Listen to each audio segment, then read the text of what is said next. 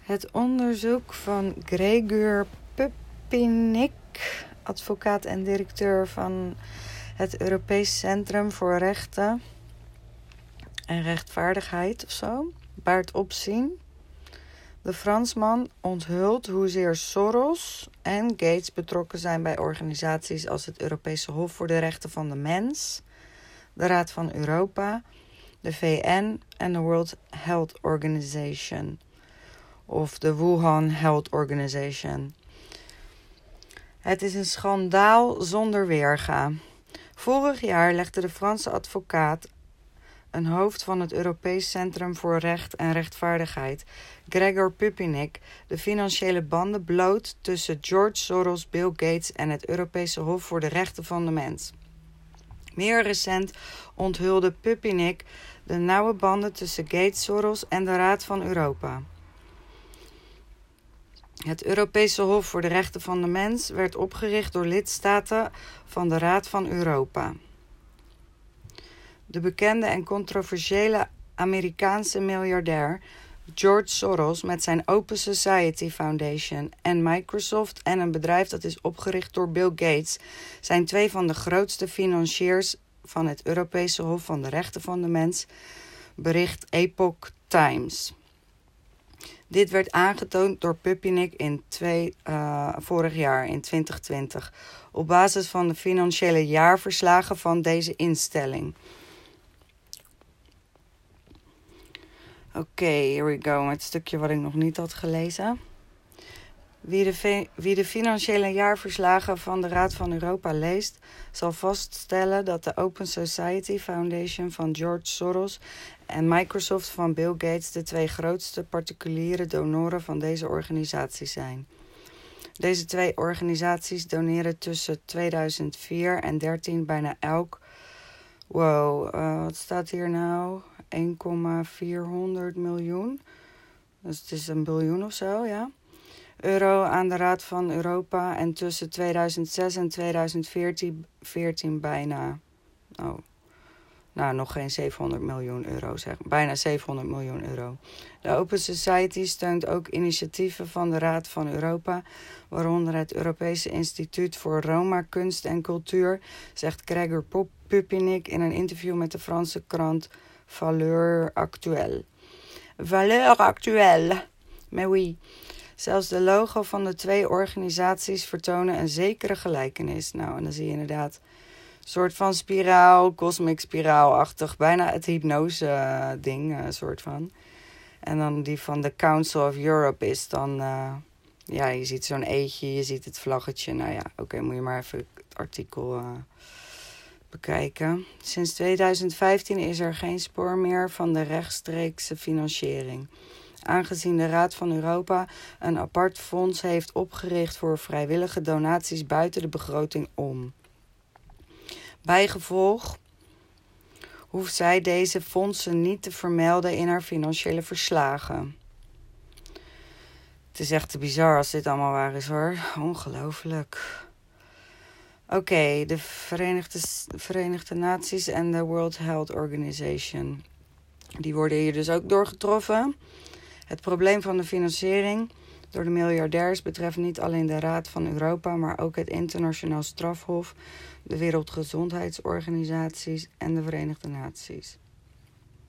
Uit het onderzoek van Pupinik bleek dat het internationaal strafhof in 2017 ongeveer 15.000 dollar ontving van de Open Society Foundation.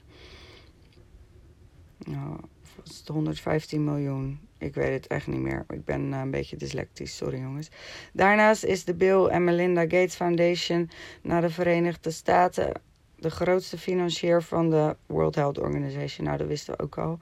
En met de bijlage van 530 miljoen dollar in 2019 is het 80% van de, van de WHO-begroting gebaseerd op vrijwillige bijdragen. Dat wil zeggen donaties van stichtingen en regeringen. Dit soort financiering doet natuurlijk vragen reizen omtrent de politieke onafhankelijkheid van deze organisaties, al dus de advocaat. Zijn we er nog, jongens? Mijn telefoon ging slapen. Dat is een beetje nieuw, vijf minuten. Oké. We zijn er nog niet. Deze grote internationale organisaties zijn prioritaire doelwitten voor filantropische miljardairs die wereldwijd politiek invloed willen uitoefenen, zei hij.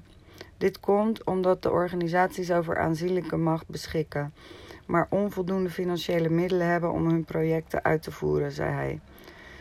Deze politieke invloed kan worden uitgeoefend zonder een beroep te doen op democratische mechanismen of controles, aldus Pupinik.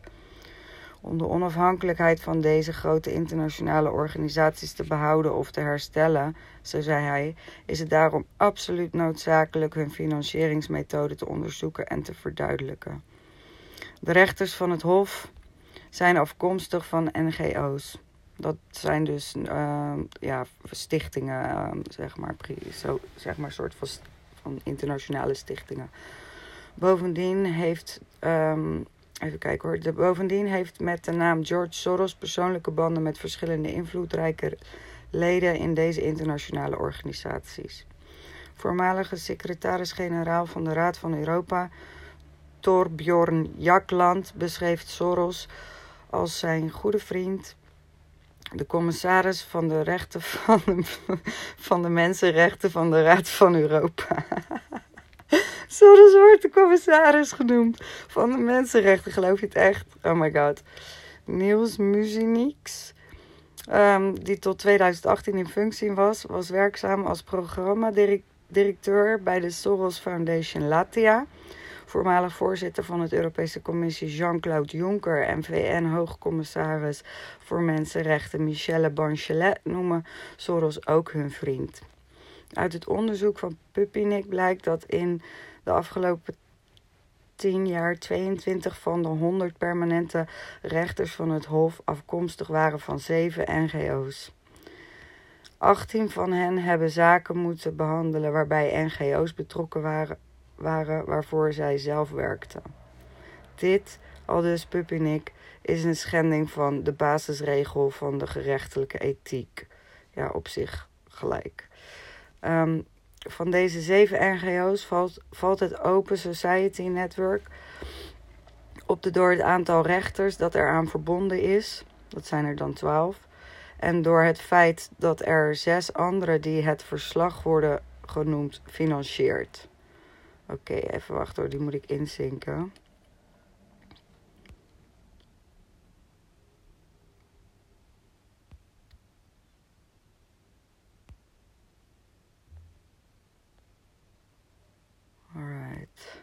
Eight minutes. Oh my god, we zijn bijna klaar, hoop ik. Daarnaast hebben Soros en zijn lobbyisten tussen 2014 en 2018 64 ontmoetingen gehad met commissarissen en hoge ambtenaren van de Europese Commissie. Er zijn zelfs foto's van EU-politici samen met de Hongaarse miljardair. Ja, als je nog niet weet wie George Soros is, dan uh, moet je echt even gaan dukdukken. Op deze foto is Vera Jourova, vice, vicevoorzitter van de Europese Commissie. Te zien tijdens een ontmoeting met George Soros. Links van Soros. Soros staat helemaal links. Oké, ja, dat plaatje kan je niet zien, jongens. Het is een beetje klaar hier. Maar er komt er een hele Twitterlijst inderdaad. Of in ieder geval een paar foto's. Um, verscheidene leden van het Europese parlement hebben naar aanleiding van de publicatie van het verslag van Pup parlementaire vragen gesteld aan de Europese Commissie en de Europese Raad. Jurova antwoordde: De Commissie heeft geen twijfels over de integriteit en onafhankelijkheid van het Europese Hof voor de Rechten van de Mens. Ja, dat is gewoon echt ongelooflijk veel onzin natuurlijk. Dat is echt niet eerlijk. Dat, het is echt gewoon zo'n gigantische, arrogante muur die opgetrokken wordt. Oh, en alles, die bestaat al veel langer door dan alleen maar een jaar. Maar dan moet je iets langer een beetje wakker en activist zijn. En dan, en dan weet je precies uh, dat het allemaal bullshit is. Die hele fucking Europese Unie en rechten en al die dingen. Het is alleen maar alles dicht timmeren. Dat is wat ze doen. En macht pakken. Um, er is geen wens om het systeem in twijfel te trekken. ja, dat zeggen hun dan, weet je wel. ik zei dat deze feiten een openbaring zouden moeten zijn. Maar de Europese autoriteiten zouden zich uh, zouden zich afwenden en wachten tot de mensen aan iets anders zouden denken. Er is geen verlangen om het systeem in twijfel te trekken. Dat is eng. Daartussen werd Puppinik scherp aangevallen in de media voor zijn onderzoek naar George Soros. Open Democratie en um, een van, van Soros' andere organisaties heeft het Europees Centrum voor Recht en Rechtvaardigheid aangevallen als kruisvaarders, wolven in schaapskleren en een geheim leger dat wil inbreken in onze democratische instellingen. Dat zei, um, uh, dat zei de advocaat.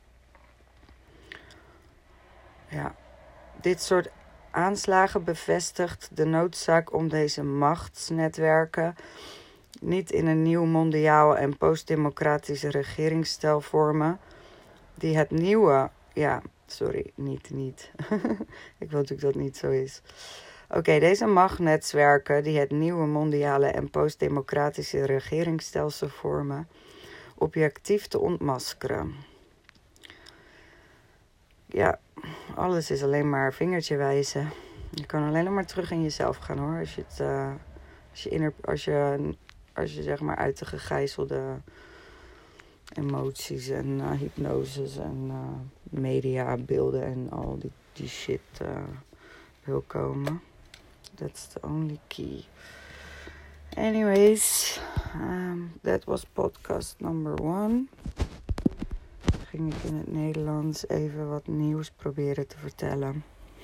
Ik hoop dat jullie het leuk hebben gevonden. Doei!